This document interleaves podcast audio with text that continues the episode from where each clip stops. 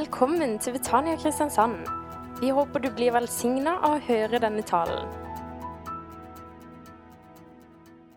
For en mann som eh, holder mellom 100 og 200 prekener i året forskjellige steder, og har gjort det i 50 år, så kan du regne ut i hodet sjøl hvor mange taler det blir. Så lurer jeg selvfølgelig på hva skal jeg si her, og hva skal jeg si der. Noen ganger så får jeg et klart uh, tiltale fra Herren at uh, du skal dele det og det og det. Ofte blir det bare å være i ro og tenke at det, kanskje dette er godt for denne forsamlingen og denne menigheten her.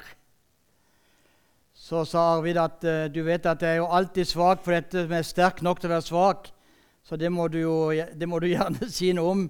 Og på en eller annen måte Arvid, så kommer jeg nok til å si noe om det. Men uh, av og til så tenker jeg at uh, jeg savner litt den der gamle, riktig gode gamle dager. Det gjør man når man kommer i min alder stadig vekk. Men i alle fall eh, Min sønn Øystein, som nå er midt i 30-åra, og som fortsatt er en aktiv, levende kristen og aktiv i menighetsarbeidet, han var på toppen sånn åndelig talt da han var åtte-ni år gammel. Det var hans åndelig virkelig glanstid. Da var han eh, i virkelig on fire og var i brann for Jesus. Og han hadde én ting han gjorde hver eneste fredag eller annenhver fredag når jeg skulle ut og preke et eller annet sted i landet. Da hadde han bestemt seg for at han skulle be for meg. Jeg vet ikke hvordan han hadde lært det ordet, men da sa han at han skulle sende meg ut. Det var åtte-niåringens liksom virkelig stå på. Han skulle sende meg ut i det oppdraget. Da skulle et eller annet sted i landet eller i Skandinavia. Og Da ba han eh, to salvelsesfulle bønner hver eneste gang han gjorde dette på fredagen.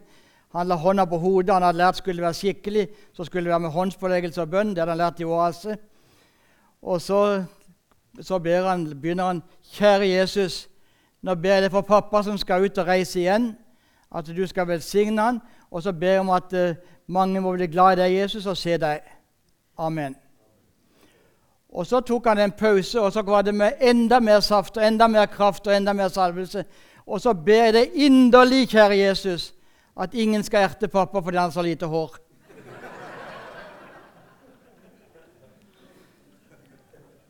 Og Da var det fantastisk å komme hjem og si at eh, Øystein, jeg tror jeg er bønnhørt på begge punkter. Det var mange som fikk se Jesus og ble glad i han og fikk komme nærmere han. Og så langt jeg vet, Øystein, så var det ingen som erta meg fordi at uh, jeg har en sånn kabrioletsveis. Så sånn var det.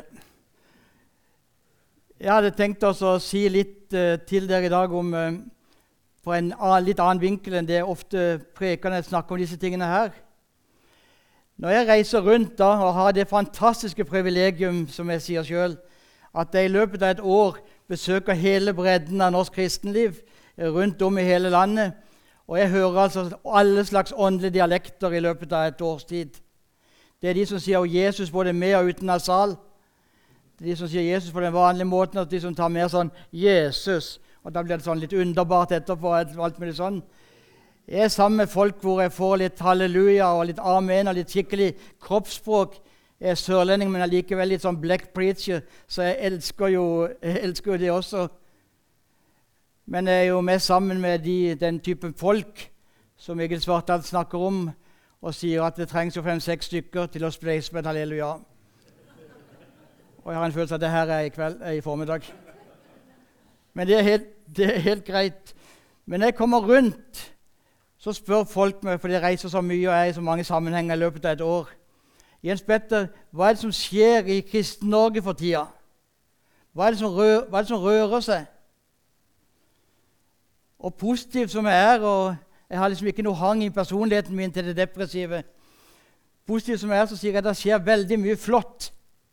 Og Det er veldig mye, veldig mye å glede seg over, både her og der. Men hvis jeg skal være hakket ærligere og se mer kristenliv og kristen-Norge i et uh, større perspektiv, så lever vi faktisk folkens, i en veldig vekkelse Nå snakker jeg ikke om de gode unntakene, og de takker vi Gud for.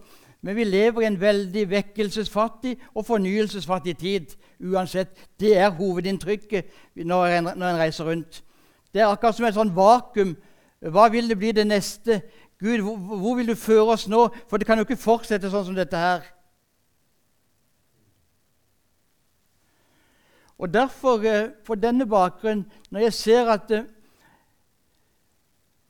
at mange mister, mange mister troen Vi har vanskelig mange steder rundt i Norge for å ta igjen etter pandemien. For mange som ble borte under pandemien, er fortsatt borte, osv. osv. Da har bønneemnet mitt vært de siste, og det er min bønn for meg sjøl, og det er, med, det er, min bønn for Kristen-Norge i det hele tatt, det er Kjære Gud, vil du gi oss du gi oss en, en, en, eh, en hellig misfornøydhet? Vil du gi oss en hellig misfornøydhet? A holy discontent, for å si det på engelsk. Det er sånne ord er nesten bedre på engelsk. Gi oss en holy discontent. Gi oss en hellig Ikke mismot, men en hellig misfornøydhet. Jeg ser Når jeg ser utover forsamlinga, med unntak av dere herlige ungdommer, så ser jeg at mange av oss er godt voksne. Og jeg regner med at mange, mange av oss har sett Skippon-filmer. Har dere det? Har vi ikke det? Jeg, få, jeg, bør ikke ha et halleluja, men kan jeg få et nikk? Jeg, at, jeg, vet at mange av oss har sett uh, Shipon-filmer. 'Poppy the Sailor Man' og leste. og Det var jo en ungdomssuksess. Vi så stadig vekk Shipon-filmer. 'Poppy the Sailor Man'. Og Poppy the Sailor en Shipon han hadde en standardbemerkning som dere kanskje husker når jeg sier det. Han sa om igjen og om igjen 'I can't stand it anymore'. I can't stand it anymore. Det var liksom opp, det var gjennomgangstonen. Han, det kom igjen og igjen i de underligste situasjoner. Og Så tok han noe spinat, og så skjedde det et eller annet. Men utgangspunktet hans var dette. I can't stand it anymore. Det kan ikke være sånn lenger. Kan ikke, det kan ikke fortsette sånn. I can't stand it anymore. Og jeg tenker at det er det som er, no, det er, det som er noe av uh, det er det som er noe av redningen. At vi kommer at Gud, og Dette kan vi ikke ta oss til, men at Gud får gi oss denne, dette ropet. We can't stand it anymore. I can't stand it anymore. At det blir så få som blir frelst rundt, rundt oss. At det, dine barn vokser så lite. At det blir få som blir satt i stand til tjeneste. At det, kristne normer og kristne verdier og alt mulig er på retur We can't stand it anymore. Kan, det kan ikke fortsette på den måten der. Og jeg tenker at denne hellige utilfredsheten det er det som er første skrittet tenker jeg, til all vekkelse og til all fornyelse. Og så kan vi ikke vedta det heller på et eh, medlemsmøte i Britannia at nå går vi inn for å være mer, eh, å være mer desperate. Det må Gud gi oss. Men om Gud Herren gir oss den desperasjonen We can't stand it anymore. Det kan ikke fortsette sånn. Med det utgangspunktet og den desperasjonen så har vi muligheter for å røre tenker jeg, ved Guds hjerte, og ting kan skje. Og Dette hadde jeg tenkt, tenkt å si uansett. Og Så ser jeg at min gode venn Oddvar Søvik er iblant oss i, i formiddag. Og så tenker jeg, Oddvar når vi var tilbake, og det, Vi kan lett i vår alder bli sånn tilbakeskuende. Jeg ser faktisk fremover like mye som jeg ser bakover. Men da tenker jeg at det var én gang i mitt liv som var på en særlig måte hvor, vi, hvor jeg sa, og vi sa sammen We can't stand it anymore. Vi var nye, nyutdanna skolelagssekretærer og skolelagsprester. Og vi skulle ut og vinne mennesker for Jesus Kristus på ungdomsskoler, på gymnas, på høyskoler og universiteter. Og igjen, vi hadde gode eksamener, vi hadde mange kurs, vi hadde, visste hvordan ting skulle gjøres. Allikevel så opplevde vi at vi bare fikk informere mennesker. Men det vi ikke fikk gjøre, vi fikk ikke se mennesker forvandla. Jeg husker både du og meg, Oddvar, og Jan Gosner, som er borte i Frikirka denne formiddagen her. Vi har noen flere av oss. Vi kom sammen på sekretærmøter i andre sammenhenger og ropte til Gud. Gud, we can't stand it anymore. Det kan ikke være sånn. Vi trenger desperat kraften fra det høye hvis vi skal ha noe til å stille opp med i forhold til kraften fra det lave, som er så manifest det et, det er godt med god bibelkunnskap, det er godt med sunn og god teologi, det er godt med god strategi, men det som virkelig kan forandre og forvandle omgivelsene våre, det er kraften fra det høye. Og så lang historie kort, så møter Gud oss i den desperasjonen der, midt i vår svakhet, midt i alle våre begrensninger, og så fyller han oss med sin ånd og utruster oss. Hvor starta det? Det var ikke et ønske om å tale i tunger. Det var ikke et ønske først og fremst om å oppleve et eller annet merkelig. Det var desperasjonen. Det skjer jo ingenting. Folk rundt oss blir jo ikke frelst hvis ikke du fyller oss og gir oss det vi trenger av din ånd. We can't stand it anymore. Jeg tenker Det er hele, utgangs, det er hele utgangspunktet for å komme videre. Der starter all fornyelse, der starter all vekkelse, der starter egentlig all forandring ved at Guds folk får den gaven og får den, det bønneropet til Gud, om det er høyt eller om det er stille, om det er på kne eller oppløfta hender. Gud, we can't stand anymore. Det kan ikke være sånn. Gi meg den hellige utilfredsheten at tingenes tilstand ikke er nok, sånn at vi får, virkelig får kobla oss for deg, du som har all makt i himmel og på jord, og er i stand til å gjøre noe også med denne vekkelsesfattige og, for, og fornyelsesfattige tida vi lever i. Og Dette har jeg holdt på med i natt og i går kveld. og alt mulig. Jeg tror at det, det jeg sier nå Jeg kan ikke bruke for sterke ord. Men det jeg sier nå, tror jeg er en profetisk hilsen til denne menigheten og til mange menigheter. At det er det som er, må, må, være bønnen vår, det at Herren hjelper oss til dette. dette at dette ropet We can't stand it anymore. Denne hellige utilfredsheten, den Herre, den må du fylle oss med, så den gir noen resultater. Og med dette som bakteppe, med det som uh, nøden, med det som utgangspunktet, så skal jeg lese noen vers fra 2. Korintiabrev kapittel 12,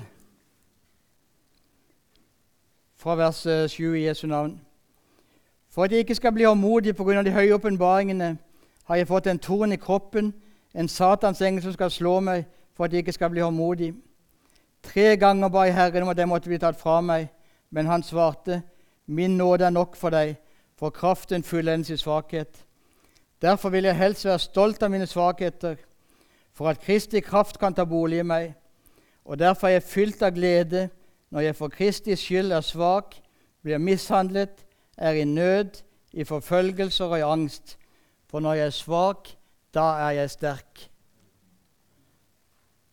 Jeg tenker I forlengelsen av det jeg sa om denne hellige utilfredsheten, the holy discontent, så handler det om dette, å se dette, at når jeg er svak, men kobler meg på Herren, så er jeg sterk, og jeg blir sterke.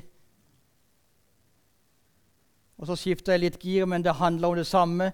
Og bakteppet må få lov til å være med, sånn at jeg har det når vi nå går, når vi nå går videre her. Jeg skal fortelle en litt sånn underfundig eh, historie. Og Hvis dere ikke forstår den historien, eller for, for med, følger med nå, eller får med den historien, så får dere med resten av preken. Så nå gjelder det å skjerpe seg akkurat. Nå er det tid akkurat for å følge godt med. Jeg har en kamerat ja, Min sønn sier du må ikke begynne på den måten, der, for det høres ut som du bare har én kamerat. pappa. Men en av mine kamerater han skiller seg ut fra de, andre, fra de andre vennene mine og de andre kameratene mine på en helt spesiell måte. Når han har eh, vært et sted eller møtt en person, så kommer han tilbake og så beskriver han den personen eller den situasjonen på en helt spesiell måte. Hvis han hadde vært sammen med deg, Oddvar, så ville han komme tilbake og så jeg traff en som heter Oddvar. Han var sånn og sånn. Så sa yes, presis! Og så ville han med noen korte streker eller noen enkle ord fortelle hvordan du var. Han har vært i en situasjon, et miljø, og så beskriver han det sånn at man tar tingene for kornet så fullstendig både når det gjelder personer og situasjoner. Og denne min venn, som altså skiller seg ut på denne måten her, han hadde en nabo som bodde på andre sida av hekken hans, på et sted på Østlandet, som det heter, når vi ikke vil si hvor det var. Altså et sted på Østlandet hvor han bodde. Og på andre sida av hekken der bodde naboen sin. Og han beskrev naboen sin på følgende måte, og nå må dere følge godt med. Han beskrev naboen sin på følgende måte. Han sa den fyren han har mye kjærlighet og omsorg til gode.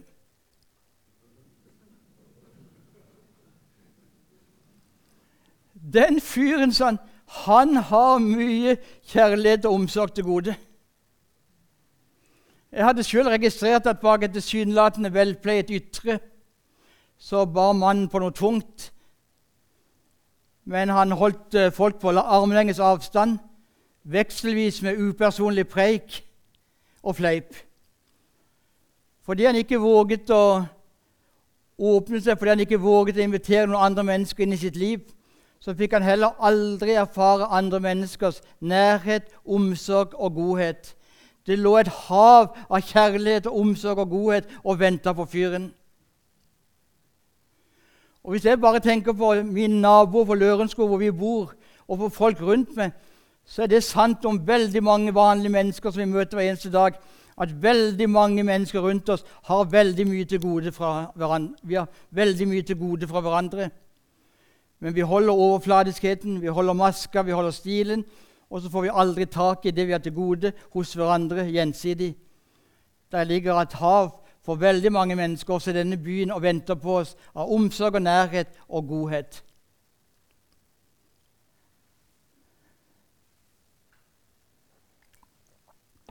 Jeg har reist altså i eh, troens tre artikler nå i eh, over 50 år. Jeg starta min predikantkarriere her i Kristiansand som 17-18-åring. Det var da jeg var på toppen av min predikantkarriere, siden jeg hadde gått nedover. Men det var altså i 17-18-årsalderen i Kristiansand. Da var jeg vekkelsespredikant her sammen med en som heter Helge Kvanvik, som ble en ærverdig GT-professor etter hvert. Men Helge og meg, vi malte med, vi malte med, vi malte med bred pensel. Eh, ofte med mer nidkjærhet enn skjønnsomhet.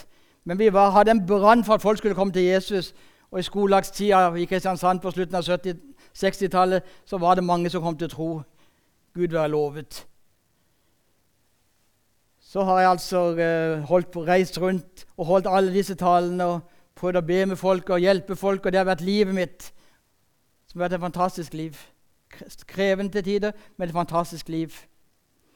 Og Når folk uh, ser at jeg begynner å bli såpass gammel som jeg blir etter hvert, så spør de Jens Petter, hvis du skulle sammenfatte din forkynnelse Hvis du skulle bare si det med én setning eller én punchline eller en liten ingress, hva vil du si Hva vil du si til norske kristenfolk som du møter på din vei? Hva vil du si til pinsevennene, hva vil du si til lutheranerne, hva vil du si til metodistene? Hva vil du si til Guds folk rundt overalt? Og Det kunne sikkert være litt forskjellig, men jeg har én setning som jeg tror er min, mitt kall fra himmelen til å si til, til folket overalt. Og nå sier jeg det til dere, kjære venner i Betania, denne søndag formiddag. Hør Guds folk, hør Guds barn, hør, kjære venner i Betania. Dere har mye godt til gode fra Gud. Dere har mye godt til gode fra Gud som han gjerne vil skjenke dere, som han gjerne vil la dere få oppleve, som han gjerne vil la dere erfare. Dere har kontoen full. Vi har så mye til godt til gode fra Gud som han vil gi oss. Vi har så mye tilgivelse og forlatelse til gode. Vi har så mye tilgivelse og forlatelse til gode, så vi kan få lukka døra til fortida vår og få lov til å se dagen i dag og framtida lyst i møte. Vi har så mye ubetinga kjærlighet til gode fra Gud inn i våre harde, vanskelige, konfliktfylte relasjoner. Inn i det som er vanskelig på de forskjellige plan. Vi har som Guds folk vi har så mye kraft til gode fra Gud. Himmelkraft i stedet for håndkraft. Kraft fra det høye istedenfor kraft fra det lave. Vi har kraft til gode fra Gud. Mange har helbredelse til gode fra Gud. Og det vi alle sammen har, det vi har et gudsnærvær, en sterkere erfaring av at Gud lever og Gud er virksomhet. Vi har mye godt til gode fra Gud. Og så er det som Jesus sier det. Mine barn, dere har mye, så mye godt til gode fra meg. Men så er det som Jesus sier, men det er så vanskelig å bli av med det. Himmelen er jo full. Det er så mye flott og så mye godt som dere har til gode. Hvorfor tar dere ikke imot? Og så er dynamikken den samme. Jeg vet at I vår alder så har vi sånn, eh, glemmer vi, har vi sånn korttids, korttidsminnegreier. Men da husker jeg kanskje jeg bare sa om naboen til kameraten min. ikke sant? Det er ikke så lenge siden jeg snakka om han. Han som hadde mye godt til gode Hvorfor fikk ikke han tak i det han hadde til gode? Fordi han aldri åpna seg og delte livet.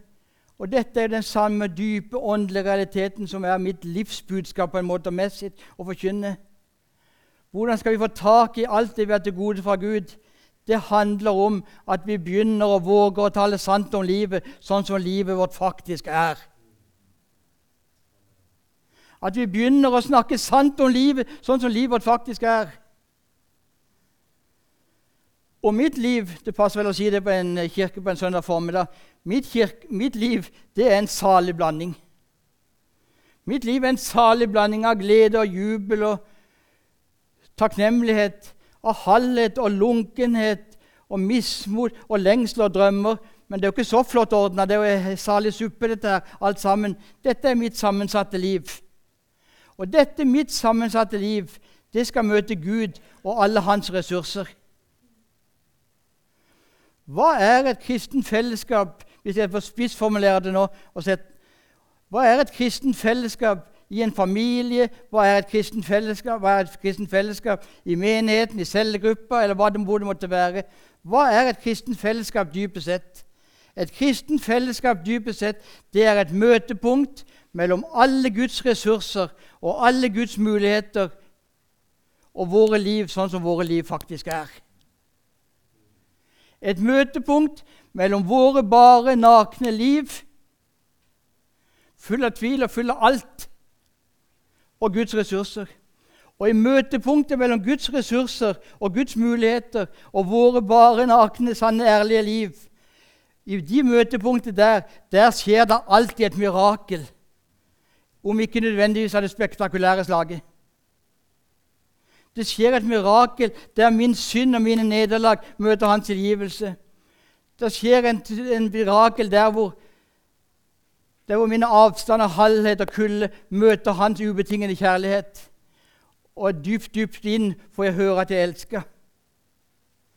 Det skjer et mirakel der jeg går fra aktivisme og ordner ting og styrer ting, til å bli drevet av hans kraft og hvor han gjør gjerningen. Han som er i meg, er sterkere enn han som er i verden, og det er han som utfører oppdraget. Det skjer et mirakel. Og da, mine kjære venner, da er vi ved et nøkkelpunkt, virkelig et nøkkelpunkt. Eller nøkkelspørsmål, 10 000 kroner spørsmål. For da sier jeg uten videre og uten blygsel at en av de største oppgavene for alle menigheter, uansett åndelig dialekt, uansett teologi, uansett form, Største, en av de største utfordringene for alle menigheter det er denne. Hvordan kan vi skape et miljø? Hvordan kan vi skape et fellesskap? Hvordan kan vi skape en atmosfære hvor flere og flere får mer og mer mot til å tale mer og mer sant om livet, sånn som livet faktisk er? Det er en av de største utfordringene for alt lederskap. Det er den de største utfordringene for oss alle sammen. Hvordan kan vi skape et miljø i familien, på arbeidsplassen, hvor vi måtte være, hvor flere og flere får mer og mer mot til å tale så sant om livet at vi får bruk for Gud og bruk for hverandre? Jeg vet iallfall én måte en måte det ikke skjer på. Det er at vi begynner å kjefte på hverandre. Hvis folk, predikantene begynner å kjefte og man blir mer åpne, og alt dette her, da blir jeg barnslig regredierende og tenker ikke søren om han skal klare å få Nei, så da Nei. Men hva er det som får meg til å endre Hva er det som gjør at jeg, at jeg kan senke skuldrene og dele livet sånn som livet er, og oppleve at jeg får tilbake det vi har til gode? Jeg har, har, har, har hatt og har veldig mange gode venner. Og det er forferdelig urettferdig at jeg nå deler venneflokken min i to. Men jeg gjør det bare for poengets skyld. Er det greit? Bare for å få fram et, et, poeng her nå. Jeg har noen venner, gamle venner og nye venner. Når vi møtes, så er vi på nett med en gang. Da snakker vi helt sånn fritt. Hei! Kanskje ikke har sett deg på to-tre år, men vi tar bare opp tonen og vi tar opp tråden. Vi deler, liv, vi, deler med, vi deler, liv, med, hverandre, vi deler gleder med hverandre. Det er ikke selvsagt. Vi deler frustrasjoner, vi deler lengsler og drømmer med hverandre. Vi er på nett. Og vi får tak i det vi har til gode hos hverandre, og vi får tak i det vi har til gode hos Gud. Vi har sånne venner alle sammen. ikke sant? Noen sånne venner som vi bare møter på den måten der. Og så har jeg noen andre venner. Og de to, de, de, Karakteristikken av de vennene det er to metaforer. Altså Det er bare for å bruke for å si hva jeg egentlig tenker på. Så det er noen venner som er, kort, som er kort, kort vennskap eller langt vennskap. Og de vennene der da vet jeg ikke noe annet å snakke om enn kirkepolitikk og fotball. Og for en som holder med Start, er jo det trøstesløst. Men det var en parentes. det burde jeg ikke skrive noe sted. Og poenget er at hvis Henning og meg hadde møttes, og vi hadde delt med hverandre om gledene våre og Det betyr ikke at vi alltid må gjøre det, men vi har iallfall muligheten til når vi møtes, Henning. Vi kan dele li om livet vårt, om gledene våre, om det vi, har, det vi har tapt, det vi lengter etter, og hva det måtte være. Men hvis du og meg møtes, og hver gang vi møtes, så snakker vi aldri i første person entall om våre liv, om ditt liv og om mitt liv, men vi snakker alltid om noe eller noen der ute. Og de der ute, de er det som regel noe galt med. Der er det dårlige predikanter, dårlige ledere, dårlig ditt og dårlig datt. Og Vi kan holde på til Jesus kommer igjen og snakke om de eller de, de, de der ute. Men det hjelper aldri oss til å få tak i det vi har til gode fra himmelen, og hva vi har til gode fra hverandre. Og så kan vi surre med det hele livet vårt og være der ute i stedet for å være der vi skulle være for å få tak i det som er en livets gave og en åndelig gave, nemlig å få tak i alt det vi har til gode, og det er det som bærer hele livet vårt.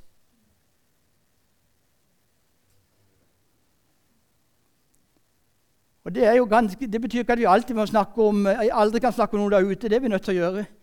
Men hvis vi aldri snakker om noe om oss, så får vi jo aldri tak i noe. For det hjelper oss jo ikke noe at alle de andre er gale. Det hjelper oss jo ikke noe at det og det, ikke fungerer.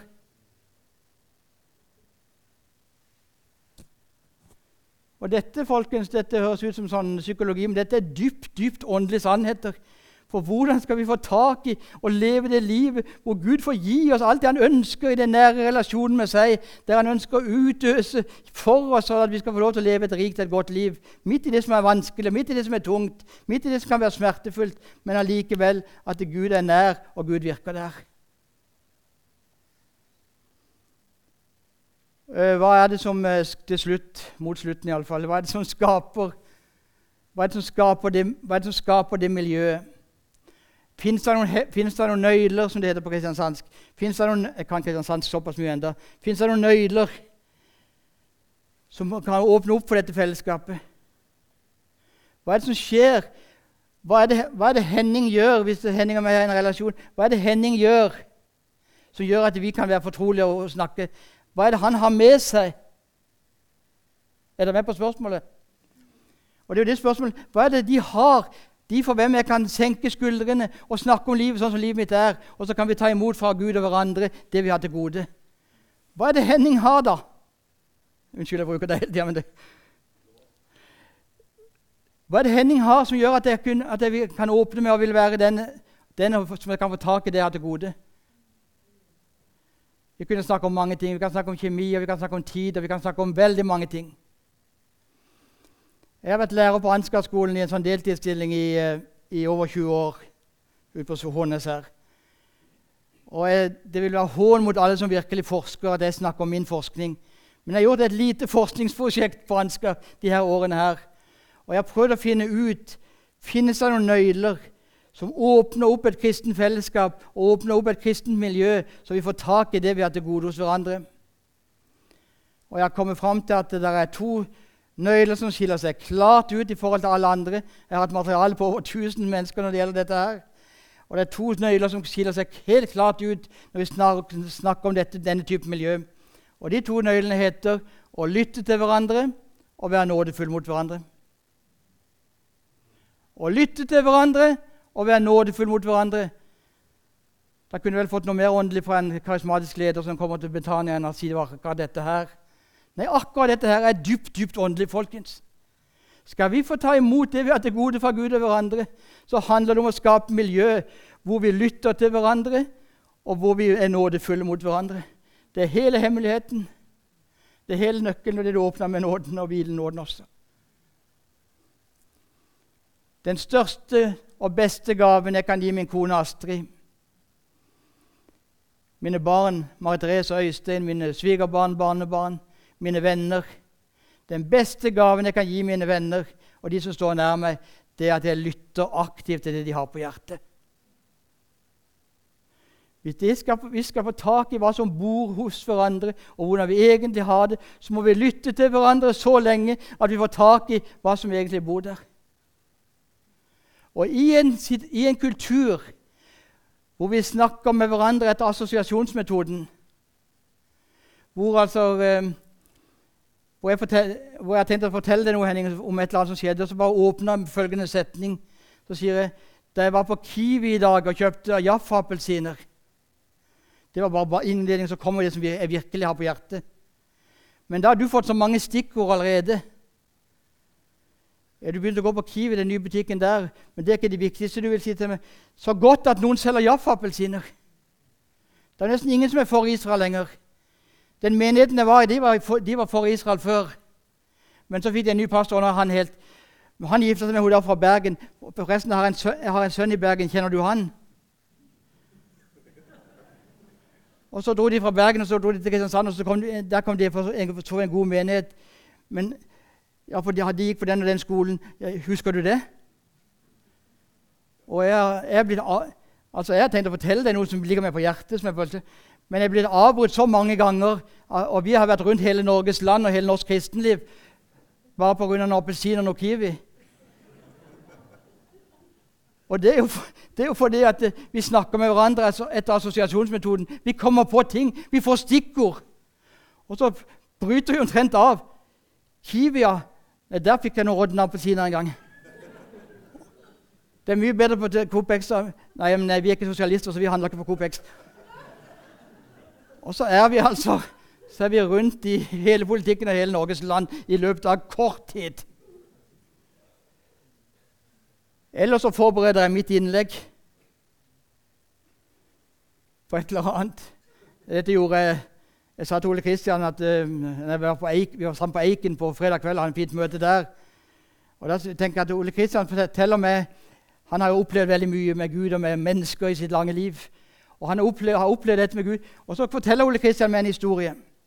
Så han kommer til tredje setning. Så tenker jeg han merker jo, han så, Ole Kristian er jo så ivrig, så han bare forteller og forteller. og forteller. Men jeg har jo falt av for lenge siden. For jeg hører ikke på hans historie. Jeg har jo tenkt ganske tidlig at den historien der, den skal jeg toppe. Jeg har jo en mye sterkere historie enn hans historie. Så jeg kutter jo, jeg kutter jo jeg kutter jo ut min jeg ut uh, for, lenge siden, og, og, du bare snakker på inn- og utpust hele tida. Det spiller ingen det spiller ingen rolle. Du bare går, du videre. Du bare går videre.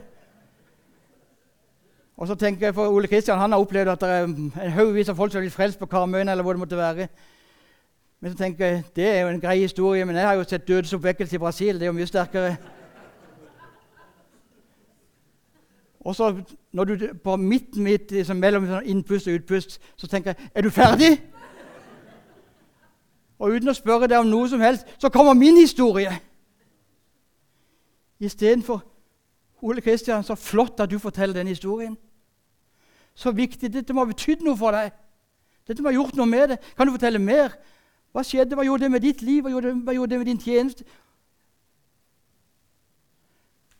Så forbereder vi våre, våre innlegg mens den andre snakker. Jeg gikk på kurs på Modum Bad, pastoralklinisk kurs. Det er jo du også, Oddvar. Og vi var fem prester som satt rundt et bord og hadde, og hadde sånn um, øvelser i å lytte. Og fem, vi fem prestene vi fikk det i oppgave at vi fikk ikke lov til å si noe før vi hadde sagt hva den siste taler hadde sagt for å si det mildt og kort og gripende, det gikk helt i ball. Det var ingen som visste noe av hva de andre hadde sagt. For vi hadde jo forberedt vårt innlegg hele tida. Vi hadde jo tenkt hva vi skulle si. Folkens, på denne måten får vi ikke tak i mye av det vi har til gode. Det handler om noe helt annet. Jeg hadde et semester hvor jeg hadde veldig mye sånn spenningshodepine. Og Da bestemte jeg for å ikke være kristiansander, unnskyld uttrykket, men jeg bestemte meg for å skulle være litt mer sann og litt mer ærlig i stedet. Ikke bare si at alt var sabla greit. Så tenkte jeg nå skal jeg, si, nå skal jeg være ærlig, si hvordan jeg har det. Jeg har spenningshodepine. Sjuk, til får, jeg er for sjuk til å ja, Jeg vet ikke, et eller annet sånt. Jeg hadde iallfall en klar bestilling. Og jeg fortalte folk hvordan jeg hadde det, kort og gripende. For jeg ville bare si ærlig sånn, dette, dette rapporten, dette er mitt liv akkurat nå. Og nå er det ikke en prosent evangelisttillegg i det jeg sier. Men vet dere hva? I ni av ti tilfeller hvor jeg fortalte folk hvordan jeg hadde det, så fikk jeg høre om folk som hadde det verre. Jeg har aldri hørt om så mye ondattersvulster i mitt liv. Så du har vondt i hodet, ja. Ja, Mannen min han fikk en svulst. De fikk, tatt, de fikk tatt det meste. Men han går litt sånn enda.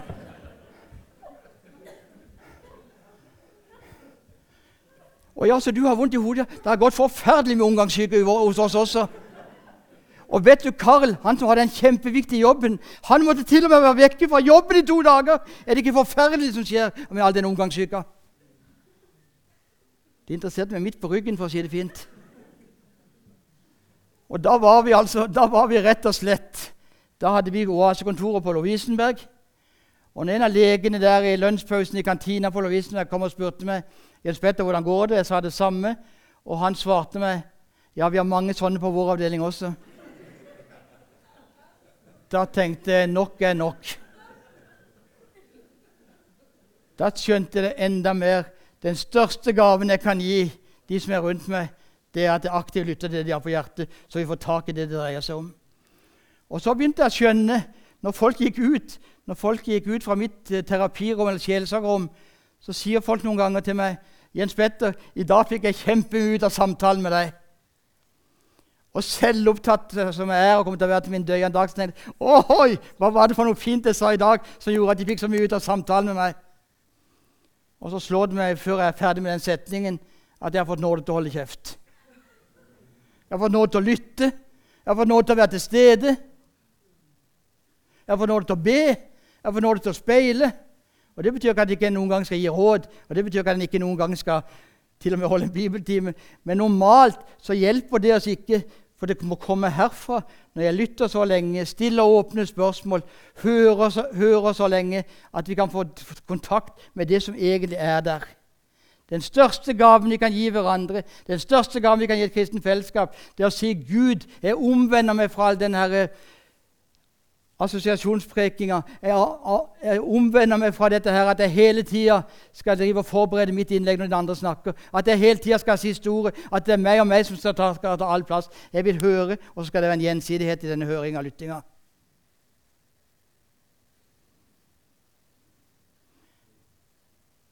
Til slutt, og nå mener jeg til slutt Å være nådefull mot hverandre.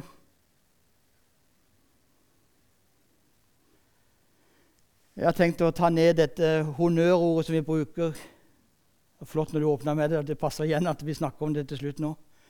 At det, dette honnørordet ikke bare lar det være ord. For poenget eller problemet er Jeg ønsker å løfte fram ordet 'nådefull' og gi det en plass i den kristne menighet og i den kristne forsamling og i det kristne fellesskap. Å være nådefull. Jeg vet når noen ikke er nådefulle. Da sitter jeg igjen med følelsen at jeg ikke er god nok, eller det jeg gjorde denne gangen heller, var ikke godt nok. Og det er ingen god følelse, folkens. Men når jeg møter en som er nådefull, så kommer jeg sånn som mesteren sjøl kommer, det er jo han jeg representerer, det er jo han jeg tilhører. Så går jeg den andre i møte, og så sier jeg, 'Arvid, jeg er for deg.' 'Jeg vil deg vel.' Jeg vil at du skal vite at jeg er for deg. Og Helst vil jeg si at jeg ikke skulle si det med ord, men med ord om nødvendig. 'Jeg er for deg. Jeg vil deg vel.' Og Hvis du sier det samme til meg og merker at du, vil, du vil meg vel, så sitter, så, sitter tilbake, så sitter, jeg tilbake, igjen. Da kan jeg senke skuldrene. Hvis noen er for meg sånn som jeg er, så er det om å gjøre. Da kan det skje forandring. Det betyr ikke at vi skal forandre oss. Det betyr ikke at det ikke skal være helliggjørelse i livene våre, men det betyr at all forandring og all forvandling den skjer bare ut fra én posisjon, og det er posisjonen av nåde. Nåde, nåde, nåde. Hvordan skal det bli et rikere liv i menigheten? Hvordan skal vi få tilbake igjen både vekkelsen og fornyelsen? Da hadde jeg sagt Kom med oppi der, ikke sant? Nei, nei. Det handler om å våge å ta imot det vi har til gode. Be om å få den desperasjonen, at vi begynner å ta tilbake. Gud, jeg er nødt til å ha din tilgivelse. Jeg er nødt til å ha din kjærlighet. Jeg er nødt til å ha din kraft. Det er jo ikke det at det ikke snakkes nåde, men det praktiseres så dårlig nåde. For enhver pastor og enhver prest med respekt for seg sjøl sier iallfall tre ganger hver søndag 'nåde, nåde, nåde'.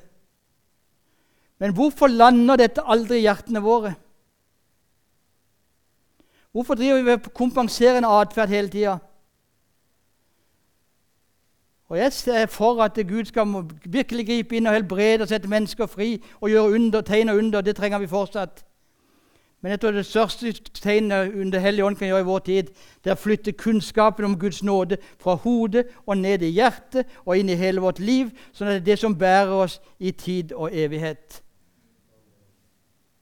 Da har jeg talt for lenge, da skal jeg slutte.